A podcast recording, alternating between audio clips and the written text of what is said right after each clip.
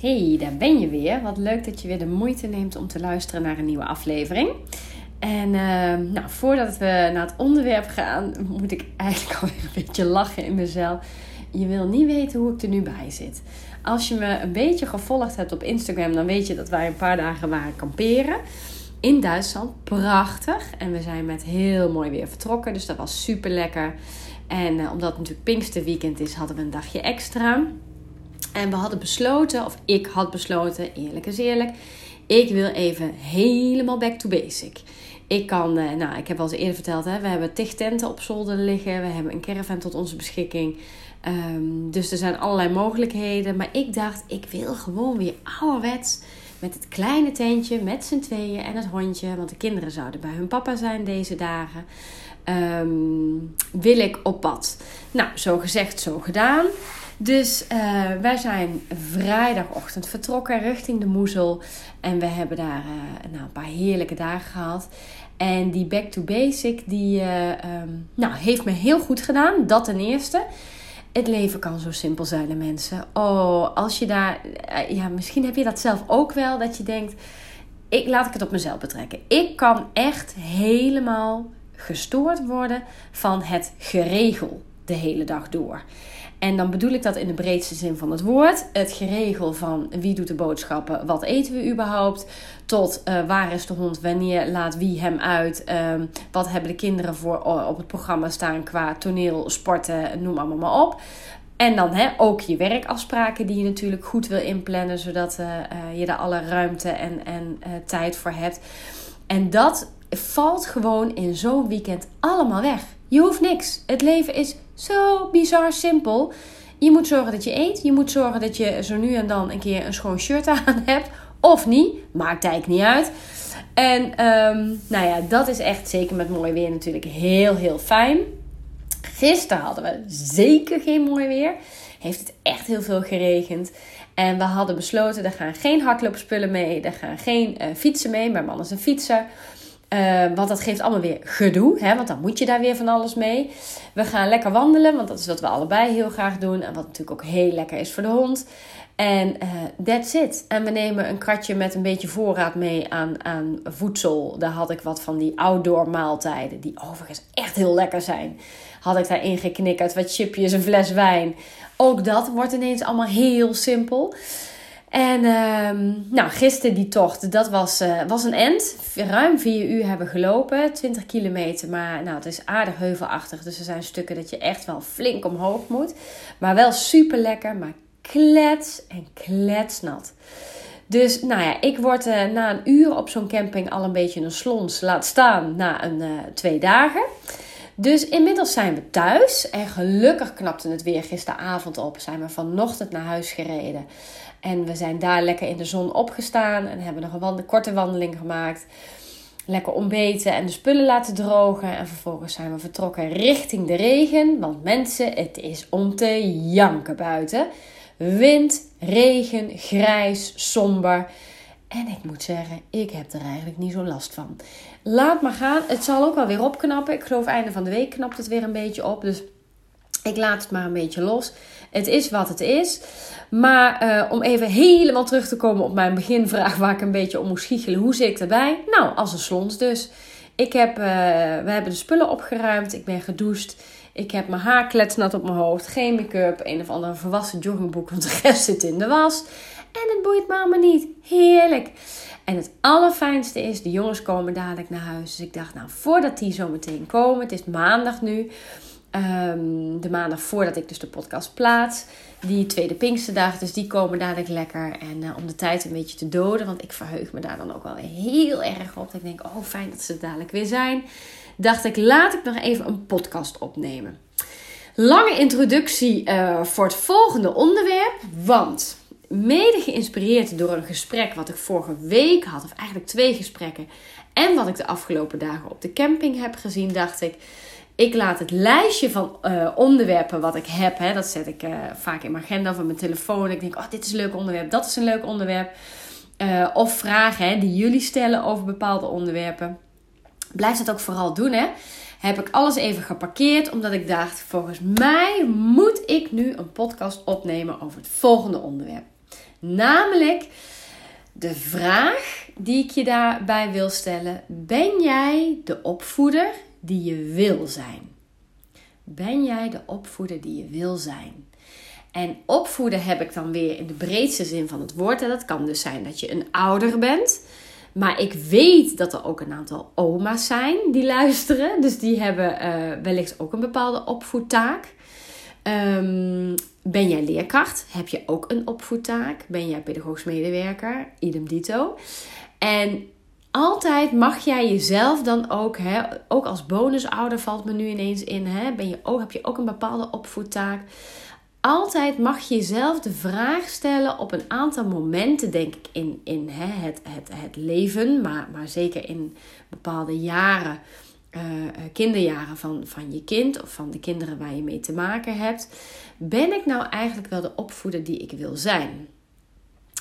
En um, waarom geïnspireerd op twee gesprekken van vorige week? Laat ik daar eerst eens even op inzoomen. Wat ik heel mooi vond, zonder in detail te treden, hè, want dat vind ik echt te privé. Uh, maar was dat ik een opvoeder aan de telefoon had.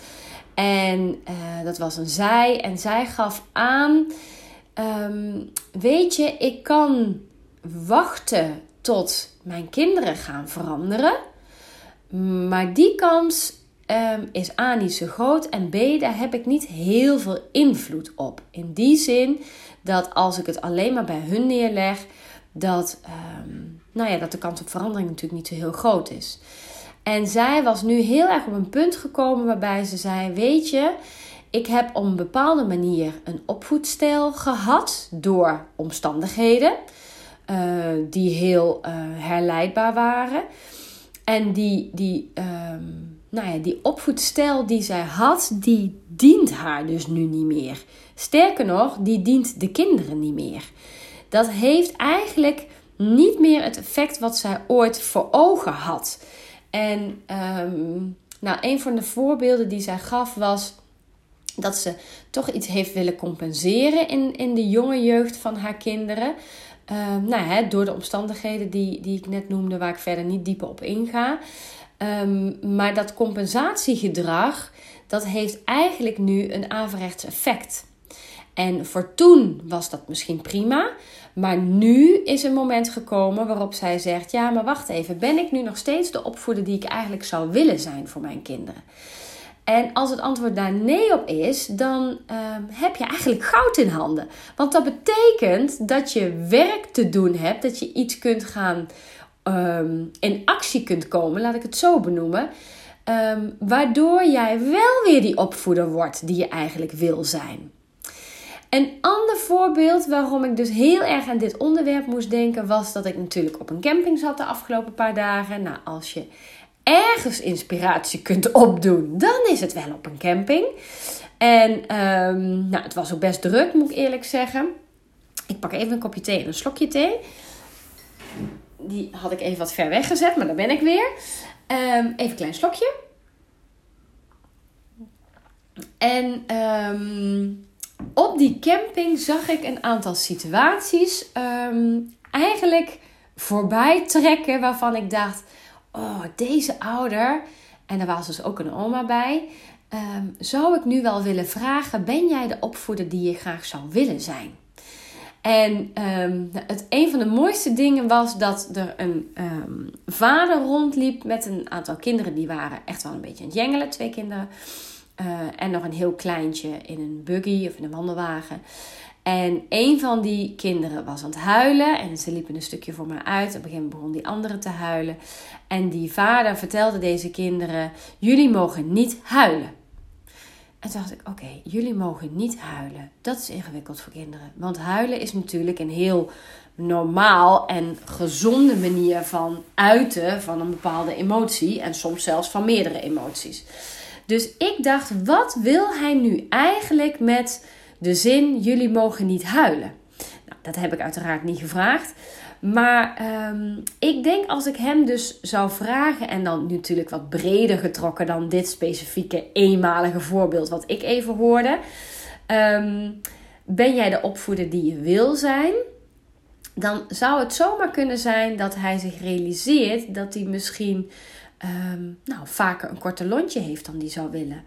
Of dat hij ehm, wat minder tijd met zijn kinderen doorbrengt dan die zou willen. Of dat hij ehm, nou, misschien wat toegefelijker is dan die misschien zou willen. Nou, het, het voorbeeld aan zich maakt niet eens zoveel uit. Het gaat er eigenlijk veel meer om dat jij um, zo nu en dan eens de tijd neemt om stil te staan. Ben ik de opvoeder die ik wil zijn?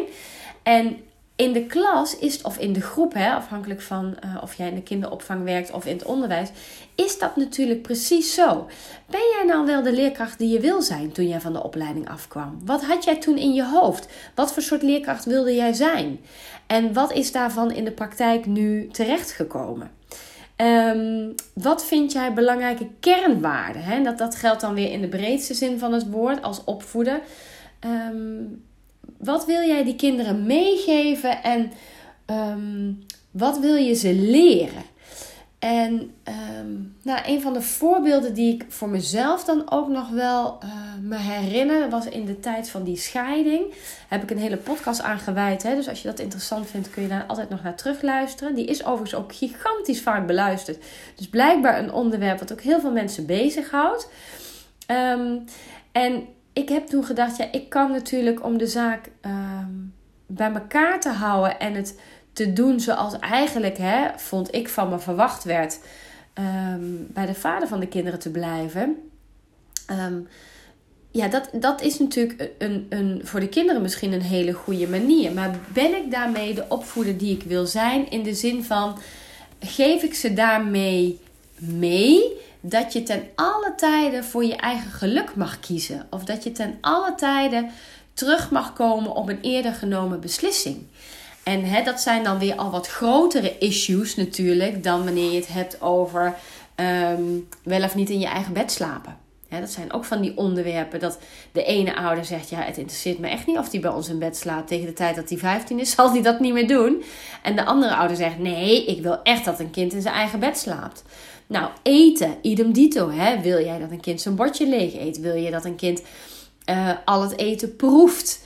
Uh, en laat je dat meerdere malen terugkomen? Of denk jij, weet je, als hij daar interesse in krijgt, dan komt het wel. En het een is niet fout, het ander is niet goed. In, in sommige gevallen zit denk ik wel ook wel een gulden middenweg. Maar het gaat erom dat jij stilstaat. Ben ik de ouder, de opvoeder die ik wil zijn?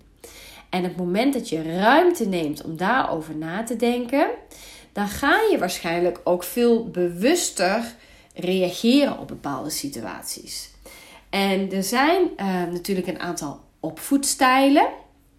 En um, het kan interessant zijn voor jezelf om eens na te gaan: hey, welke opvoedstijl heb ik nou eigenlijk? Nou, er zijn er een heleboel, hè, maar als je uh, een beetje naar de, de meest voorkomende kijkt, nou, dan heb je bijvoorbeeld een hele autoritaire opvoedstijl. En dat is een gezin waarin gewoon uh, heel veel regels zijn die nageleefd moeten worden. Hè. Jij bepaalt, jij bent de baas en jouw kind moet voegen. Um, los van wat ik daarvan vind, hè, want, want dat vind ik voor nu eigenlijk helemaal niet zo heel interessant. Maar er zijn heel veel gezinnen waar dit gewoon de stijl is. Um, dan heb je bijvoorbeeld ook, en dat is eigenlijk hè, het tegenovergestelde daarvan, hele toegefelijke ouders, een toegefelijke opvoedstijl. En daarin hou jij dus heel veel rekening en heb je heel veel aandacht voor de wensen en de behoeftes van het kind. Hè? Het kind krijgt daarmee ook heel veel voor elkaar, krijgt vaak zijn zin. En um, nou, daar zitten natuurlijk allerlei voor's en tegen aan. Want op het moment hè, dat je zegt je hebt veel aandacht voor de behoeften van jouw kind, nou dan ga ik juichen. Maar op het moment dat jouw kind jou gaat overroelen uh, en een kind gaat uh, bijna bepalen hoe bepaalde dingen gaan in een gezin, nou ja, dan slaat het weer door. Hè? Dus, dus daar zitten echt wel nuances in. Nou, dan heb je natuurlijk um, de democratische opvoeding, heb ik eerder al wel eens wat over gezegd. Hè? Dat is uh, in sommige gevallen um, zijn er gezinnen waarbij daar uh, echt wel regels nog um, in passen. Maar tegelijkertijd ook heel veel oog hebben voor de wensen en de behoeften van het kind. Maar er zijn ook democratische opvoedstijlen waarin dat veel minder is en waarin echt alles in overleg gaat. Dan wordt het natuurlijk weer een heel andere um, stijl of een heel ander sfeertje wat je dan krijgt. Nou, dan heb je ook nog bijvoorbeeld hè, de autoritatieve opvoedstijl.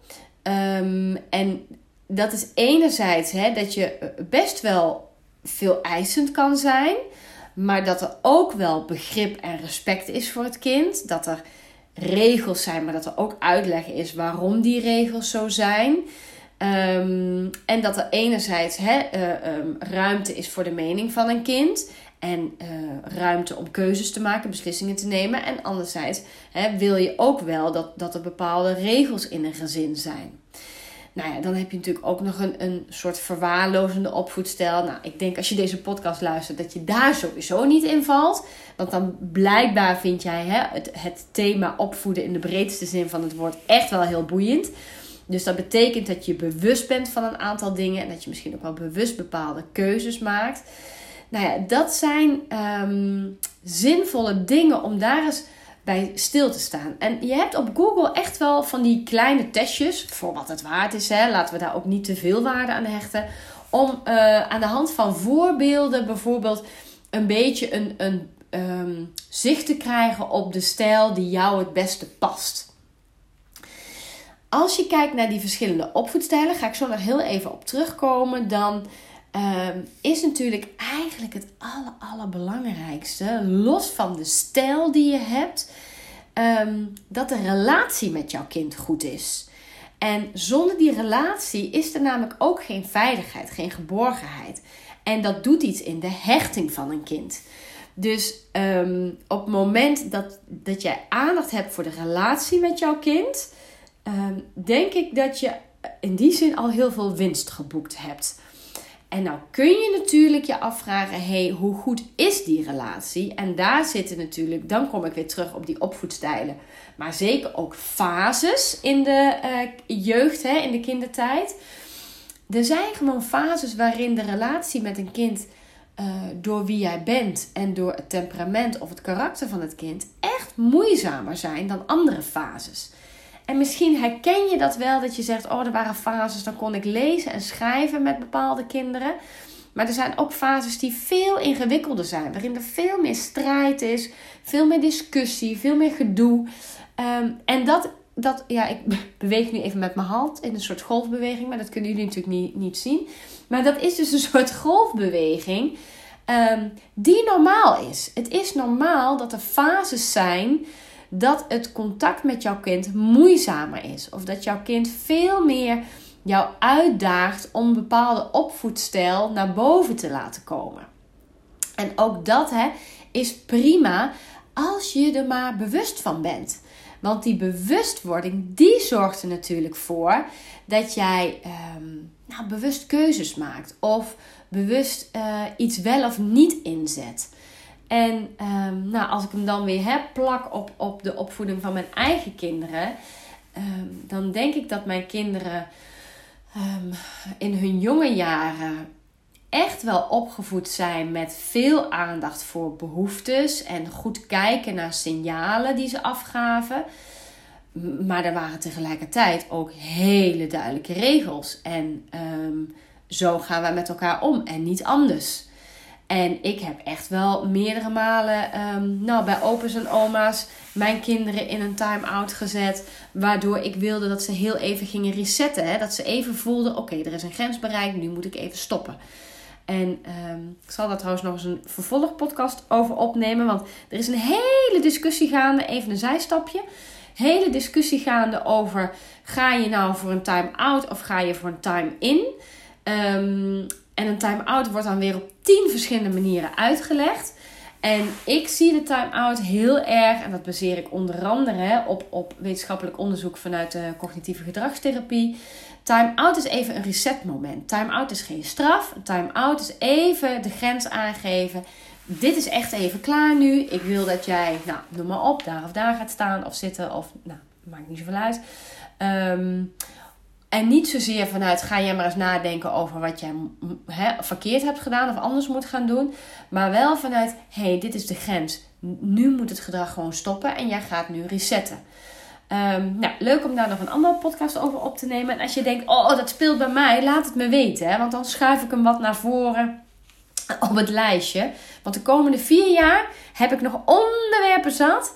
En aangezien uh, opvoeden denk ik een, een eeuwen oud, maar ook een heel erg, uh, um, uh, hoe zeg je dat? Een, een onderwerp is wat nog heel veel gaat opleveren aan discussie. Omdat je ook daarin door fases gaat en door visies. En dan roept er weer eens iemand. Denk ik dat er nog heel veel mooie onderwerpen op stapel staan. Dat was even een zijspoor, hè? maar ik had het over die time-out bij mijn kinderen. Dat ik dat echt wel gedaan heb. Ook bij vrienden, bij opa's en oma's. Uh, omdat dan voor mij gewoon de grens bereikt was. En ik dat ook best wel zonder. Um, ja, hoe zeg ik dat nou handig?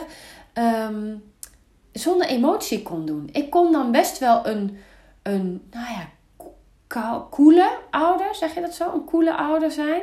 Dat ik dacht, oké, ik ben nu een opvoedtaak aan het volbrengen. Namelijk, ik wil dat mijn kind leert dat dit gedrag niet geaccepteerd wordt. Um, en dan had ik daar, emotioneel voelde ik daar niet zo heel veel bij. Dus ik had daar niet geen schuldgevoel over. Of niet, voelde me daar niet ongemakkelijk of bekeken over. En misschien hè, dat mijn werk echt wel daar invloed op heeft gehad. Dat ik dacht, ja prima, al vindt de hele wereld hier iets van. Ik vind hier ook iets van, dus ik ga het op deze manier doen. En dan hoef je je daar dus helemaal niet ongemakkelijk over te voelen. Nou ja, nu zijn die kinderen natuurlijk veel groter. Dus nu vraagt dat voor mij echt wel een andere opvoedstijl. In de zin van veel meer overleg, veel meer um, nou ja, in dat pu puberbrein ook je proberen te verplaatsen. En te kijken, hé, hey, waar zit zijn winst, waar zit mijn winst en hoe komen we tot een mooi uh, compromis? Of um, nou, hoe zwengel ik bepaalde onderwerpen aan, zodat ze in contact blijven, maar dat het wel besproken wordt. Nou, hè, denk aan drank, drugs, seks. Ik vind dat wel onderwerpen die nu op een agenda moeten staan. Zonder dat we zeggen, nou kinderen, kom maar eens even zitten, we gaan het hierover hebben. Want ik denk dat je daarmee alleen maar ongemakkelijkheid creëert. Dus ook dat um, nou, vraagt van jou als opvoeder eigenlijk voortdurend uh, meebewegen, maar ook jezelf blijven ontwikkelen op de thema's die spelen in um, de fase waarin je in zit. En je kunt je voorstellen, hè, dan moet ik even denken aan de school die ik nu begeleid, is dat um, ik heb een aantal vragen gesteld aan leerkrachten van groep 1, 2 tot en met groep 8. Als het gaat over regels en afspraken, als het gaat over hoe ga je om met consequenties, uh, hoe consequent ben jij, um, dan krijg je dus hele andere antwoorden, omdat natuurlijk die levensfase van die kinderen ook een andere houding vragen van een leerkracht. En dat wil niet zeggen dat er dan niet een eenduidig pedagogisch klimaat ontwikkeld kan worden. Want dat kan wel degelijk. heb je in een gezin net zo. Hè? Heb je ook verschillende leeftijden van kinderen. Of op een, uh, een, een, een, groep, hè? een opvanggroep. Daar moet je op aanpassen. Maar dat wil dus niet zeggen dat je compleet iets anders gaat doen. De kernvraag is steeds: wat wil jij een kind meegeven? Wat wil jij een kind leren? Nou, en als ik dan voor mezelf spreek, dan denk ik dat ik het heel belangrijk vind dat ik kinderen um, nou, in de wereld zet, achterlaat, loslaat, hoe je het ook wil noemen, die voor zichzelf kunnen zorgen. Die uh, uh, nou, niet bang zijn om hulp te vragen. Die uh, een beetje gepokt en gemazeld zijn als het gaat over verschillende type mensen. En dat iedereen een bepaalde rol en functie kan en mag hebben in de maatschappij. Um, nou ja, dat soort, nou ja, dat soort uitgangspunten, hè, dat soort um, nou, voor mij belangrijke issues. Daarin probeer je je opvoeding natuurlijk wel af te stemmen door dat te laten zien, door het bespreekbaar te maken, door um, nou ja, ook keerzijdes te laten ervaren. En een mooi voorbeeld is misschien wel dat nou ja, dat, dat kinderen van vrienden um, veel minder bijvoorbeeld doen in het huishouden. Hè. Die, die stofzuigen niet of nou zelden. Uh, hoeven hun bed niet af te halen. Van die basale, voor mij basale dingetjes. Waarvan ik nu vind dat mijn kinderen dat wel moeten doen. Want ik wil dat die kinderen dadelijk op kamers zichzelf kunnen redden. En dat ze dan niet denken: oh ja, die wasmachine, hoe moet die eigenlijk aan? Of oh, moet je witte en donkere was apart doen? En dat klinkt zo suf, hè? Want dan denk ik: oh, het is voor ons zo vanzelfsprekend. Maar als wij ze het niet leren, weten ze het niet. En kunnen we die pubers of adolescenten dadelijk niet kwalijk nemen dat ze alles bij elkaar pleuren en dat ze zeggen: oh, mijn witte shirtjes zijn een beetje grauw geworden. Nou, het is natuurlijk een beetje een flauw voorbeeld, maar, maar zo werkt het volgens mij wel. En dat zit natuurlijk ook in die basale dingen als koken, als boodschappen doen, leren omgaan met geld, uh, keuzes maken in het leven. Je kunt niet alles doen. Ehm, en je kunt wel heel veel bereiken. En ik vind het belangrijk dat mijn kinderen leren dat als zij ergens voor willen gaan, dat ze die droom moeten najagen. Maar niet vanuit, nou, het zal allemaal wel op mijn pad komen. Ga potverdorie in actie. Hè? Ga ervoor werken. Ga aan de gang. Ehm, en ik denk dat daar echt wel uh, op jonge leeftijd, dat je daar al verschillen kunt gaan zien in opvoedstijlen. Hè? Dus hoeveel regel jij, hoeveel laat je ze zelf doen. Um, zit je er voortdurend bovenop vanuit, oh pas op, dadelijk val je van de glijbaan. Dan denk je, nou ja, weet je, dan weet hij ook dat dat niet meer kan. En nogmaals, hè, ik heb daar geen oordeel over, want dat is echt heel afhankelijk van wie jij bent, wat voor kind je hebt, uh, hoe jullie dat willen doen met elkaar. Maar ik wil je wel prikkelen om na te denken over wat voor opvoeder wil jij zijn. En um, nou, die vraag, die hoop ik um, dat je me dat wil laten weten. Het zou ik echt onwijs leuk vinden als jij uh, het liefst hè, even op Instagram met een, een DM uh, mij wil laten weten wat voor jou um, nou ja, de opvoeding kenmerkt. Hè, wat voor type opvoeder jij wil zijn. Uh, omdat ik daar in de toekomst nog wel iets mee wil gaan doen. Dus misschien dat ik dan wel anoniem uiteraard uh, jouw informatie zou willen verwerken daarin. Maar laat me weten wat, wat voor jou, hè, wat voor opvoeder jij zou willen zijn.